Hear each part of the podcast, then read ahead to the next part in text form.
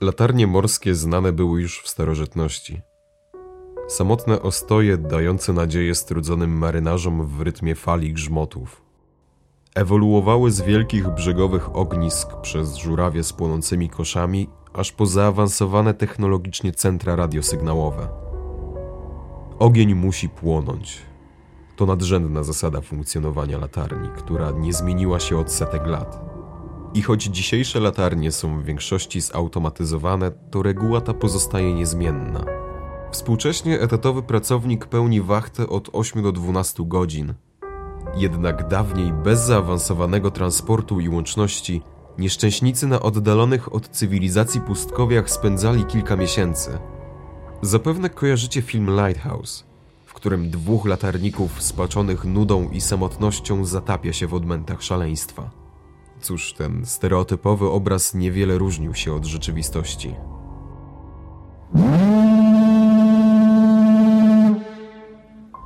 Historia, o której dzisiaj opowiem, zaczyna się w roku 1899 na niewielkiej, niezamieszkanej wysepce znajdującej się w paśmie szkockich hebrydów zewnętrznych.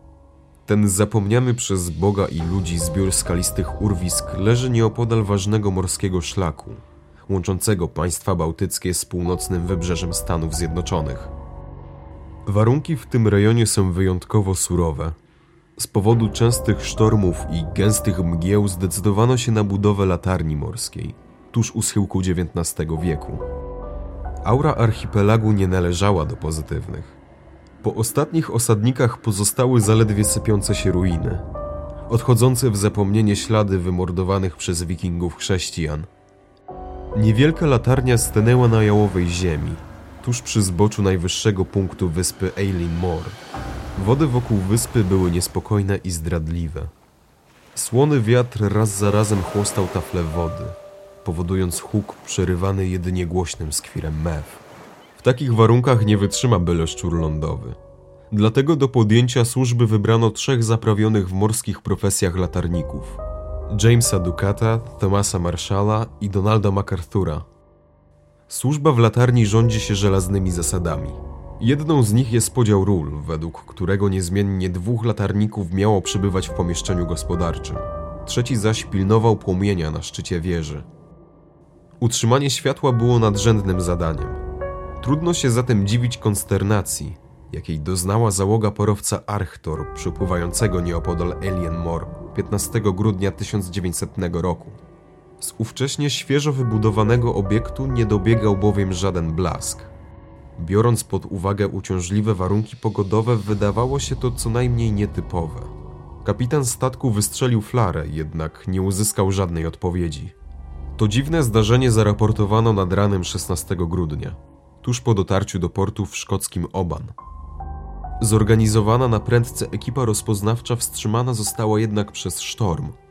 Dopiero 26 grudnia statek ratunkowy Hesperus dotarł do skalistej wysepki. Natychmiast zanotowano brak flagi na maszcie latarni. Nigdzie nie widać było także skrzyń przygotowywanych zwyczajowo dla statków zaopatrzeniowych. Na sygnał syreny alarmowej odpowiedziało jedynie donośne pochukiwanie fal – gdy wystrzelona przez kapitana Jima Harvey'ego flara również nie poskutkowała, zdecydowano się na spuszczenie łodzi. Na pokładzie statku znajdował się rotacyjny latarnik, Joseph Moore, który oczekiwał dotychczas na swoją wachtę. Tuż po dobiciu do wyspy Moore zaobserwował ku swojemu zaskoczeniu dziwną scenerię. Zarówno brama prowadząca na teren latarni, jak i drzwi wejściowe były zamknięte na kłódkę, jeszcze bardziej niepokojące było to, co zobaczył wewnątrz budynku.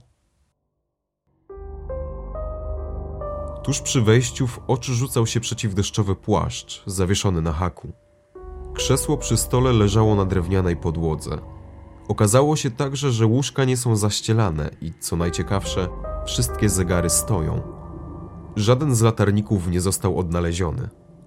Przeszukano zarówno okolice latarni, jak i dalszą część wyspy.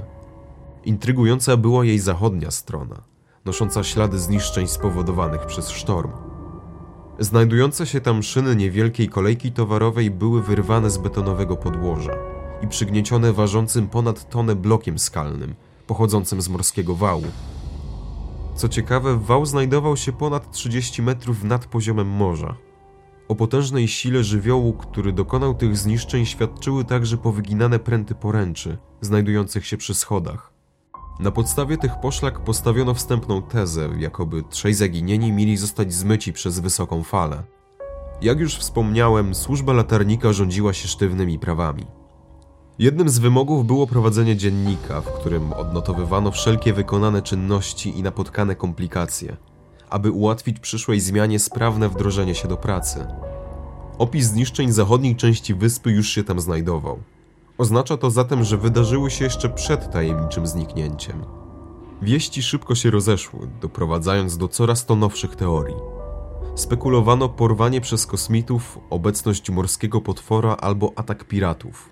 Aby uciąć plotki i dokładniej zbadać sprawę, wystosowano wniosek do Northern Lighthouse Board o wszczęcie oficjalnego śledztwa. 29 grudnia szef związku Robert Myrhead przybył na Alien Moor w roli śledczego. Zbadawszy miejsce zaginięcia, postawił lakoniczną tezę, wedle której James Ducat i Thomas Marshall poszli w kierunku przystani, aby zabezpieczyć znajdujące się tam ładunki. Donald MacArthur ruszył w ich stronę w samej koszuli, co tłumaczyć miało obecność płaszcza pozostawionego w budynku. Mężczyźni zginąć mieli na skutek niespodziewanej fali, która zmyła ich do morza podczas pełnienia obowiązków. Takie też krótkie wyjaśnienie zostało przedstawione rodzinom zmarłych, by zamknąć sprawę i nie napędzać sensacji niekorzystnej dla wizerunku Northern Lighthouse Board. Zestawmy to jednak z faktami, które zostały ustalone podczas oględzin. Wiemy już, że warunki panujące wokół wysp Flanana nie należały do łaskawych. Częste sztormy, porywiste wiatry i ulewne deszcze sprawiały, że mało kto wychodziłby poza latarnię bez przeciwdeszczowego płaszcza. Znając żelazną zasadę latarników, według której zabrania się pozostawiania latarni bez opieki, nasuwa się pytanie, dlaczego Ducat, Marshall i MacArthur rzekomo razem udali się do przystani. Nic także nie tłumaczyło bramy oraz drzwi do latarni zamkniętych na kłódkę. Dotknięta zniszczeniami zachodnia część wyspy również pozostawia więcej pytań niż odpowiedzi. Cóż bowiem jest na tyle silne, aby wyrzucić potężny betonowy głaz ponad 30 metrów w górę? Sam Robert Myrhead w swoich notatkach z oględzin zapisał, że skala zniszczeń była tak duża, że nie uwierzyłby, gdyby ich sam nie zobaczył. Niemniej jednak z całą pewnością można stwierdzić, że sprawa zaginionych bez śladu latarników była cierniem wokół Northern Lighthouse Board. Światło latarni musiało płonąć, a do tego konieczna jest doświadczona załoga. W interesie NLB było zatem wyciszyć sensację i pozbawić ją jakichkolwiek znamion tajemnicy. Z tego powodu intrygujące są informacje o istnieniu rzekomo fałszywego dziennika, który był prowadzony przez Thomasa Marshalla. Według plotek zapiski z 12 grudnia donosiły o niezwykle agresywnych i potężnych wiatrach, jakich Marszal nie spotkał przez 20 lat służby. Ponadto Dukat miał być niezwykle cichy i przytłoczony, a weteran zawodu MacArthur płakał niczym dziecko.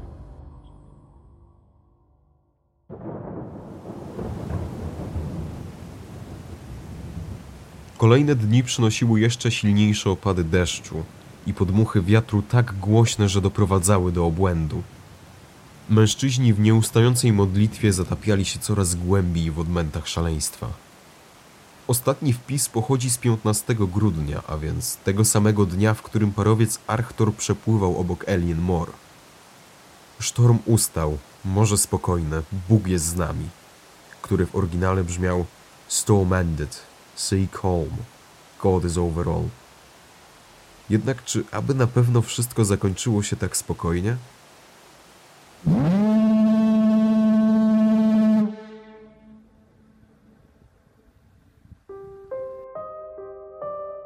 Pogorszenie się warunków stwierdzono dopiero 17 grudnia, kiedy to ekipa ratunkowa zmierzająca na Alien Moor została zatrzymana w porcie.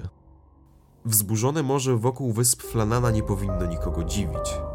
Niepokojący jest jednak brak jakichkolwiek zgłoszeń o sztormie ani z sąsiadujących wysp, ani od kursujących w okolicach statków. Załóżmy jednak hipotetycznie, że dziennik faktycznie jest fałszywy i przyjmijmy za słuszne wyjaśnienia przedstawione przez śledczych z NLB.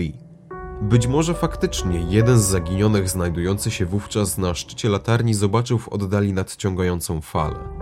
Być może próbował ostrzec pozostałych, łamiąc przy okazji zakaz opuszczania stanowiska. W przystani faktycznie mogły znajdować się ładunki, które należało zabezpieczyć w obliczu zbliżającej się kaskady wody. To tłumaczyłoby poniekąd przewrócone krzesło i pozostawiony płaszcz, będące zapewne wynikiem pośpiechu. Takie zjawiska nie występują bez przyczyny. Fale tsunami osiągają średnio od 10 do 50 metrów, wywołane trzęsieniem ziemi bądź wybuchem wulkanu.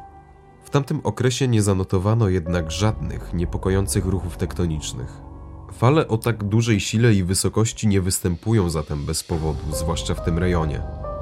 Ponadto struktura zarówno latarni, jak i sąsiadujących budynków pozostała nienaruszona, co wydaje się dziwne, biorąc pod uwagę potencjał zniszczeń tak ogromnych fal. Istnieje teoria mówiąca o bardzo rzadkim zjawisku, tak zwanej fali fenomenalnej, zaobserwowana po raz pierwszy zaledwie 26 lat temu u wybrzeży Norwegii. Powstaje przypuszczalnie przez nieliniowe oddziaływanie ciągów kilku fal i związaną z tym akumulacją energii. Niestety nie jest to zjawisko zbadane na tyle, aby przyjmować je za rozwiązanie zagadki. Co jeśli nienaturalnie wielka fala była zaledwie zbiegiem okoliczności? Co jeśli prawdziwy sprawca tego zamieszania przez lata znajdował się poza kręgiem podejrzeń?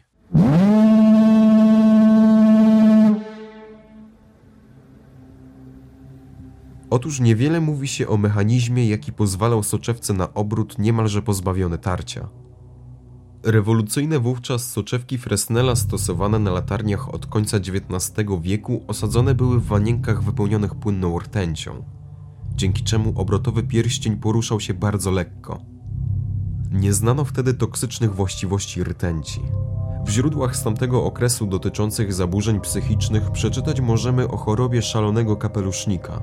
Przypadłość ta dotyczyła pracowników fabryk kapeluszy, przy produkcji których również używało się rtęci.